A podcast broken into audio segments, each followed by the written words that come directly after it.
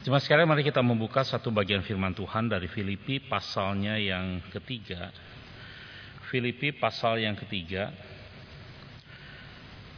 Kita akan memperhatikan ayatnya yang keempat hingga ayatnya yang ketujuh. Filipi pasal yang ketiga ayatnya yang keempat hingga ayatnya yang hingga ayatnya yang ke-8. Maaf, bukan 7 tapi 8. Filipi pasal 3 ayat 4 hingga ayatnya yang ke-8. Saya akan bacakan buat kita semua. Filipi pasal yang ketiga ayatnya keempat hingga ke-8 berbunyi demikian. Sekalipun aku juga ada alasan untuk menaruh percaya pada hal-hal lahiriah, jika ada orang lain menyangka dapat menaruh percaya pada hal-hal lahiriah, aku lebih lagi.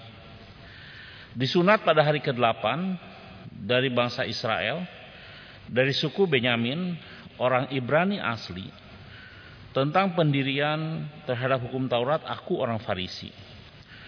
Tentang kegiatan aku penganiaya jemaat, tentang kebenaran dalam menaati hukum Taurat, aku tidak bercacat. Tetapi apa yang dahulu merupakan keuntungan bagiku sekarang kuanggap rugi karena Kristus.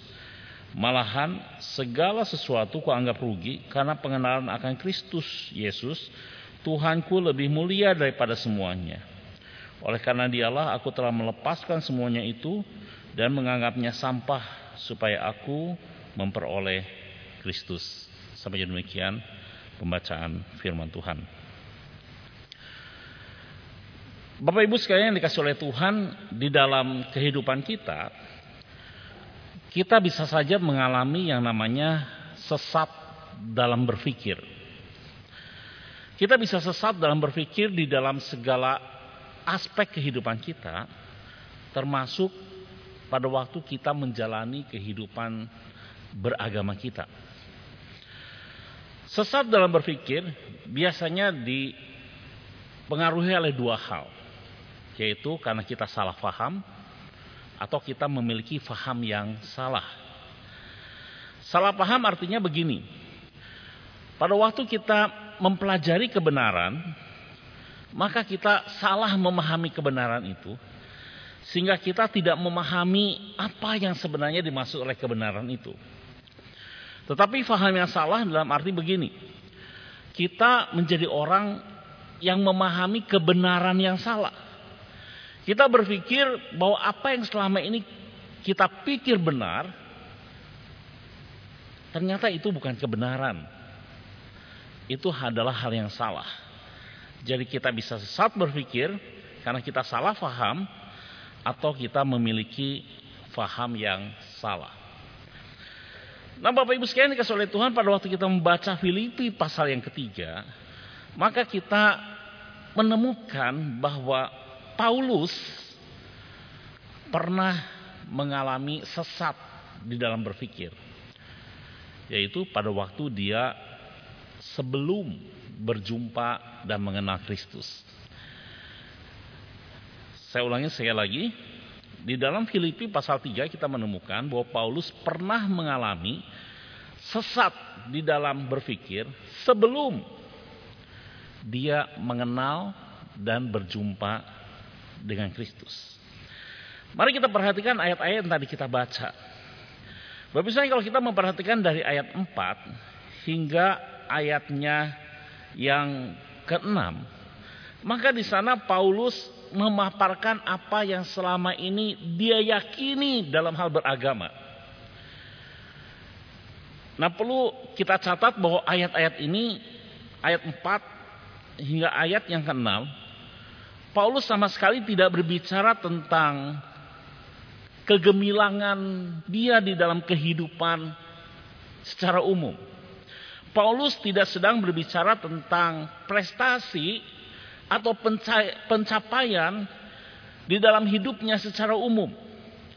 Apa yang dia sampaikan di ayat 4 sampai 6 ini sangat berkaitan dengan kehidupan dia di dalam hal beragama.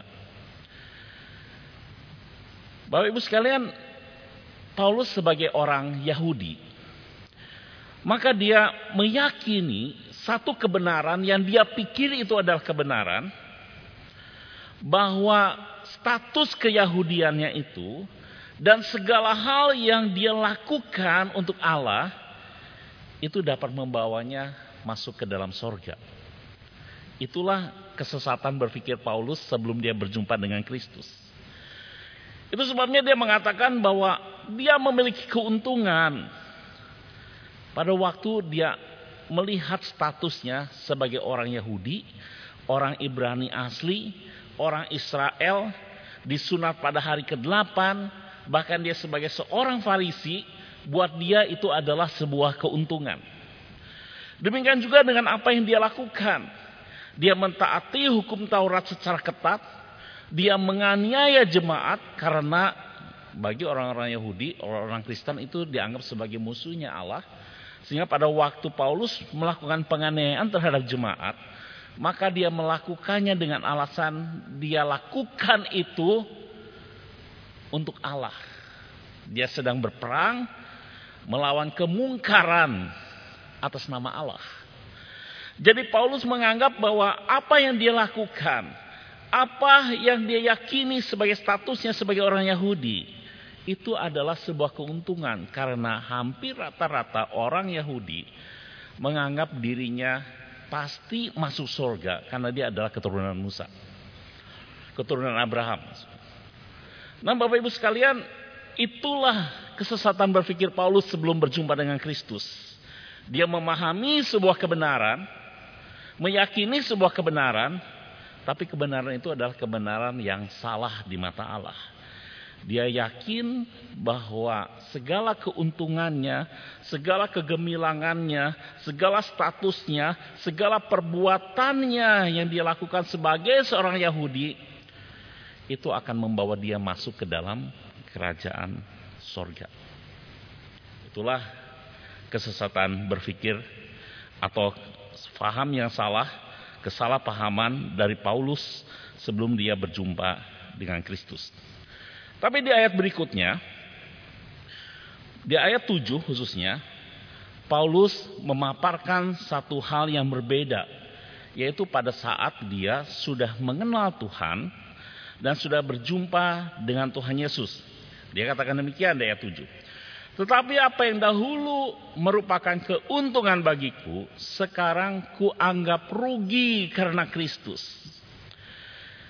Bapak Ibu sekalian dikasih oleh Tuhan, ketika Paulus mengalami perjumpaan dengan Kristus, pada waktu dia mengenal Kristus, maka ada transformasi di dalam pemikirannya. Yang tadinya dia salah paham tentang keselamatan, yang tadinya dia memahami keselamatan secara salah, sekarang dia mendapati sebuah kebenaran di dalam Kristus bahwa yang namanya keselamatan itu ternyata bukan karena status dia. Bahwa keselamatan itu ternyata bukan karena perbuatan dia atas nama Allah.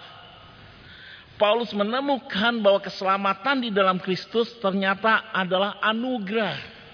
Pemberian Tuhan semata. Nah ketika dia menemukan kebenaran itu, maka efeknya dia menganggap segala keuntungan yang selama ini dia yakini sebagai keuntungan tersebut menjadi sebuah kerugian apa yang dia yakini sebagai sebuah keuntungan itu sekarang dianggap sebagai sampah, kotoran, sesuatu yang tidak ada gunanya. Karena apa? Karena kalau keselamatan itu anugerah, maka status itu tidak mempengaruhi keselamatan. Kalau keselamatan itu anugerah, maka apa yang kita lakukan atas nama Allah itu juga tidak bisa ditambahkan untuk keselamatan kita. Keselamatan benar-benar anugerah hanya pemberian dari Tuhan, bukan hasil usaha kita. Nah, itulah yang dipahami oleh Paulus. Paulus yang tadinya mengalami sesat berpikir karena dia salah faham atau memiliki faham yang salah, sekarang dia mendapati kebenaran di dalam Kristus. Sehingga dia mengambil sebuah kesimpulan bahwa apa yang selama ini dia anggap sebagai keuntungan sekarang kerugian karena Kristus.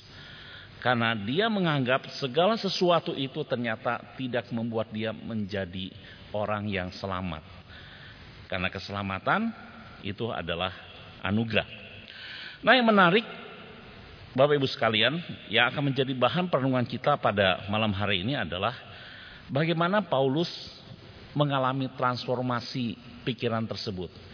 Dari orang yang salah faham, dari orang yang memiliki faham yang salah, dari orang yang sesat dalam berpikir dan sekarang dia mengalami transformasi dalam pikirannya di dalam Kristus. Ada satu kata yang menarik di ayat 7 dan ayat 8 yaitu kata kuanggap.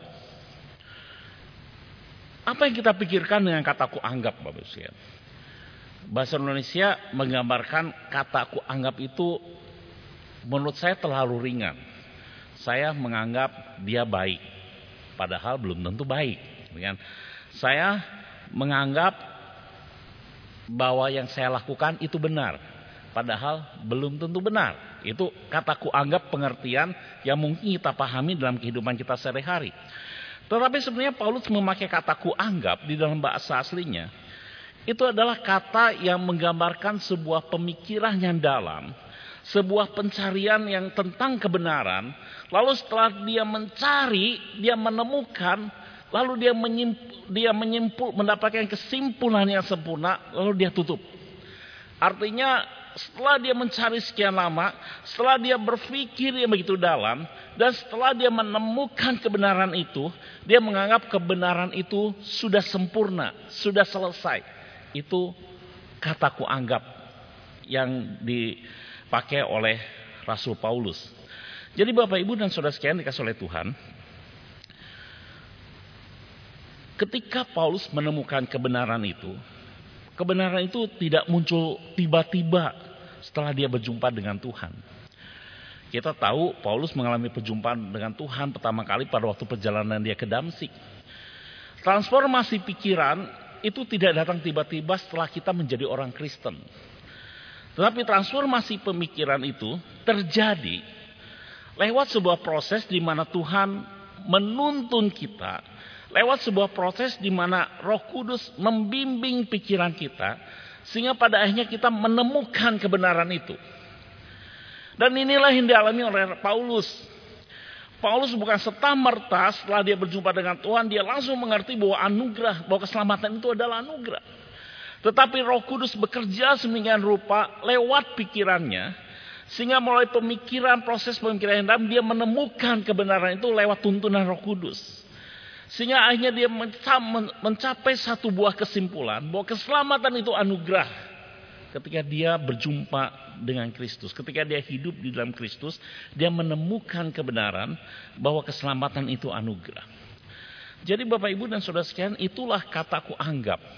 Jadi kalau kalau Paulus mengatakan bahwa segala keuntungan sekarang ku anggap rugi karena Kristus, itu adalah sebuah hasil dari proses pemikiran Paulus lewat tuntunan Roh Kudus. Artinya apa? Artinya Bapak Ibu sekalian, kita tidak akan pernah bisa mengalami yang namanya transformasi pemikiran tanpa ada tuntunan Roh Kudus. Paulus tidak akan pernah mengalami transformasi dalam pemikirannya kalau Roh Kudus tidak bekerja di dalam dirinya, di dalam pemikirannya. Kalau Roh Kudus tidak pernah bekerja lewat pemikiran Paulus, maka Paulus akan tetap menjadi Saulus, seorang Yahudi yang punya keyakinan statusnya itu akan membawa dia masuk surga. Seorang Yahudi yang punya keyakinan bahwa segala perbuatannya yang dia lakukan atas nama agama dan atas nama Allah itu dapat membawa dia masuk ke dalam surga. Tanpa Roh Kudus, Paulus tetap akan berada di dalam posisi orang yang sesat di dalam berpikir, punya faham yang salah dan salah faham terhadap kebenaran. Roh Kuduslah yang menuntun Paulus untuk menemukan kebenaran di dalam kehidupannya. Nah, Bapak Ibu sekalian dikasih oleh Tuhan, Sekarang saya ingin mengajak kita mencoba mengaplikasikannya di dalam kehidupan kita. Bapak sekalian, di dalam kehidupan kita khususnya ketika kita beragama sebagai seorang Kristen, maka tidak menutup kemungkinan kita ini akan menjadi orang yang juga mengalami sesat di dalam berpikir. Bukan hanya berkaitan dengan keselamatan, tetapi berkaitan dengan segala sesuatu pemikiran sebagai seorang Kristen, kita pun bisa jatuh ke dalam kondisi di mana kita sesat berpikir. Kita bisa menjadi orang yang salah faham terhadap kebenaran dan kita juga bisa menjadi orang yang memiliki faham yang salah atau memahami kebenaran padahal itu bukan kebenaran. Kenapa demikian? Yang pertama Bapak Ibu sekalian kita harus akui bahwa kita ini memiliki keterbatasan pikiran.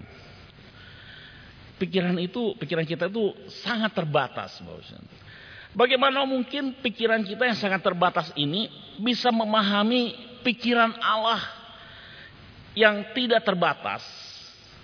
Bagaimana pikiran kita yang terbatas ini bisa memahami kebenaran Allah, Bapak Itu sesuatu yang tidak mungkin terjadi. Kita adalah orang yang terbatas dalam pemikiran, maka kita akan menjadi orang yang sangat sulit untuk mendalami pemikiran Allah yang tidak terbatas itu. Itu yang pertama. Yang kedua, Bapak Ibu kita harus menyadari bahwa di dalam pikiran kita ini isinya bukan hanya firman Tuhan. Di dalam pikiran kita ini Bapak Ibu bercampur aduk segala konsep yang pernah kita pelajari, segala konsep yang pernah kita terima, yang bisa saja konsep-konsep itu bertentangan dengan firman Tuhan. Dalam pikiran kita Bapak Ibu mungkin ada pengajaran-pengajaran dari guru-guru kita pada dalam pikiran kita mungkin juga ada ada ajaran-ajaran dari nenek moyang atau orang tua kita. Dalam pikiran kita juga mungkin Bapak Ibu sekalian ada konsep-konsep yang berasal dari pengalaman hidup kita. Di dalam pikiran juga mungkin ada konsep-konsep Bapak Ibu sekalian yang berdasarkan uh, pengalaman berbudaya kita. Di dalam pikiran kita mungkin juga ada konsep-konsep yang berasal dari orang-orang yang dekat dengan kita lewat obrolan, lewat pertemuan, lewat perkataan-perkataan dari orang yang mungkin masuk ke dalam pikiran kita. Sehingga di dalam pikiran kita itu bercampur berbagai konsep. Sehingga pada waktu kita memahami kebenaran firman Tuhan, bisa saja Bapak Ibu sekalian kita memahaminya dengan kacamata konsep yang ada sudah ada dalam pikiran kita. Bisa jadi seperti itu. Nah Bapak Ibu sekalian dikasih oleh Tuhan, kita dengan keterbatasan pikiran dan dengan segala konsep yang ada dalam pikiran kita, maka kita pun bisa menjadi orang yang sesat dalam berpikir. Walaupun kita adalah sudah beragama Kristen, ke gereja, dan melayani Tuhan. Satu kali Bapak Ibu sekalian ketika satu masa di saat saya melayani Bapak Ibu sekalian kami sedang bergumul untuk membeli sebuah tanah buat gereja. Tiba-tiba ketika saya di kantor gereja Bapak saya didatangi oleh orang yang saya tidak kenal. Tiba-tiba dia masuk ke kantor lalu dia ingin ngomong dengan saya. Karena dia sudah masuk, saya nggak bisa tolak Bapak Ibu. Dia tiba-tiba menerobos tanpa izin langsung duduk di hadapan saya di kantor. Dan ternyata dia tahu bahwa kami sedang bergumul untuk mencari sebidang tanah. Lalu dia berkata demikian, Pak, saya tahu bahwa gereja Bapak sedang mencari sebuah tanah untuk gereja. Dan saya tahu tanah mana yang sedang diincar. Maka saya mengusulkan satu hal. Bapak harus berdoa, berkeliling mengelilingi tanah itu dalam beberapa hari. Lalu saya cukup kaget dengan pernyataan dia, berarti dia orang Kristen kalau dia berkata begitu. Lalu dia eh, ngomong lagi satu hal, gitu kan, bahwa dia ternyata punya tim, tim doa yang khusus doa keliling. Jadi ternyata dia punya tim doa khusus kalau dia mau beli tanah itu keliling berapa hari sambil berdoa. Lalu saya tanya kepada dia, konsep dari mana itu? Kamu dapat dari mana? Lalu dia buka Alkitab, dia tunjukkan ayat-ayat yang mendukung pemikiran dia.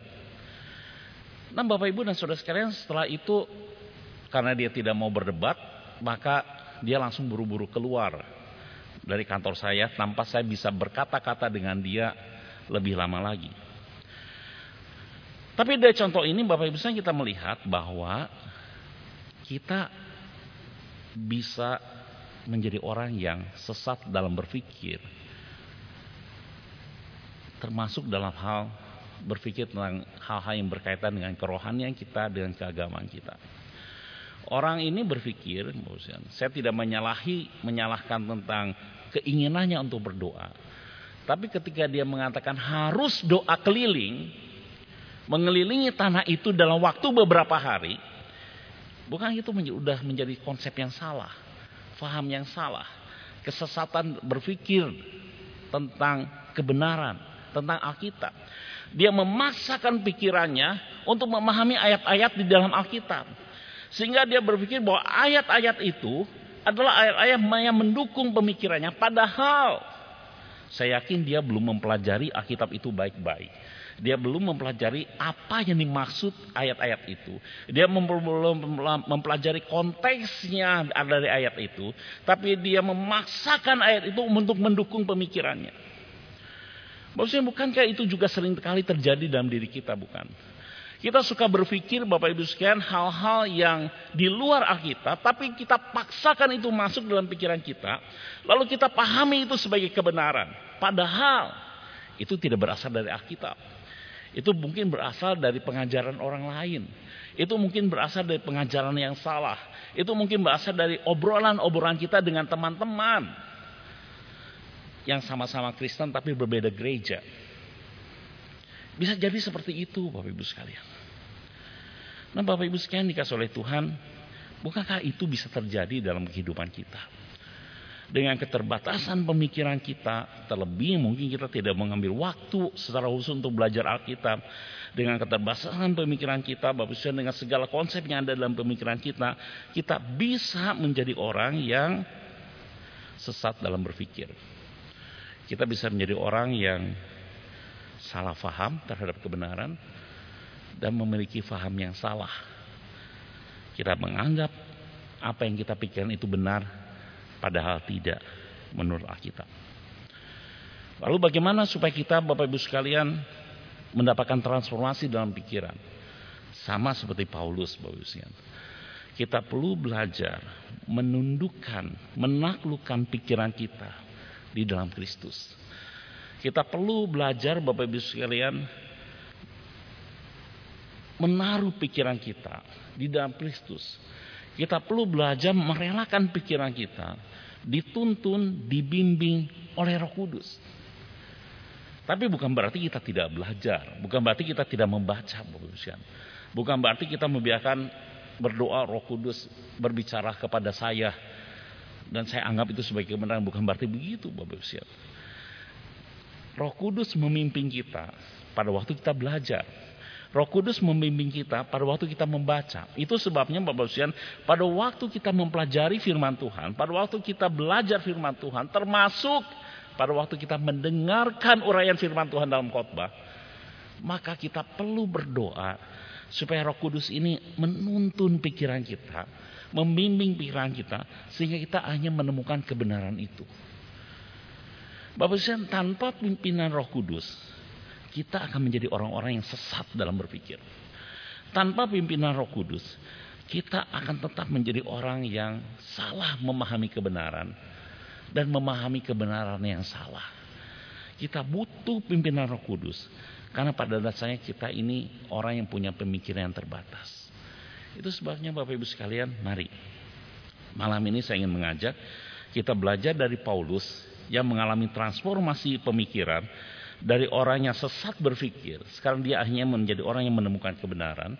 Mari kita juga belajar Bapak sekian supaya kita tidak sesat dalam berpikir, tapi kita mengalami transformasi pikiran pada waktu kita menaklukkan pikiran kita kepada tuntunan Roh Kudus. Mari kita belajar Bapak Usian bahwa setiap kita membaca Alkitab, setiap kita mempelajari Alkitab, entah lewat kelompok kecil, entah lewat BES, entah lewat Fine Project, entah lewat secara peserta teduh pribadi, entah pada waktu kita mendengarkan firman Tuhan setiap minggu atau setiap Rabu, mari kita mendahulunya dengan berdoa. Dengan kerendahan hati memohon supaya roh kudus menuntun pikiran kita. Sehingga padanya kita menemukan kebenaran. Faktor roh kudus adalah faktor yang sangat esensi dan penting untuk kita mengalami yang namanya transformasi pemikiran. Amin. Mari kita berdoa.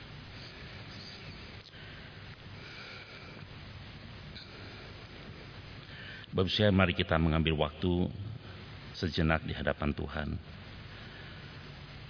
Kita baru saja merenungkan firman Tuhan. Apa komitmen kita setelah mendengar firman Tuhan ini? Apa yang ingin kita doakan setelah kita mendengarkan firman Tuhan ini? Mari ambil waktu beberapa saat merenungkan, berdoa secara pribadi. Dan nanti saya akan tutup dalam doa.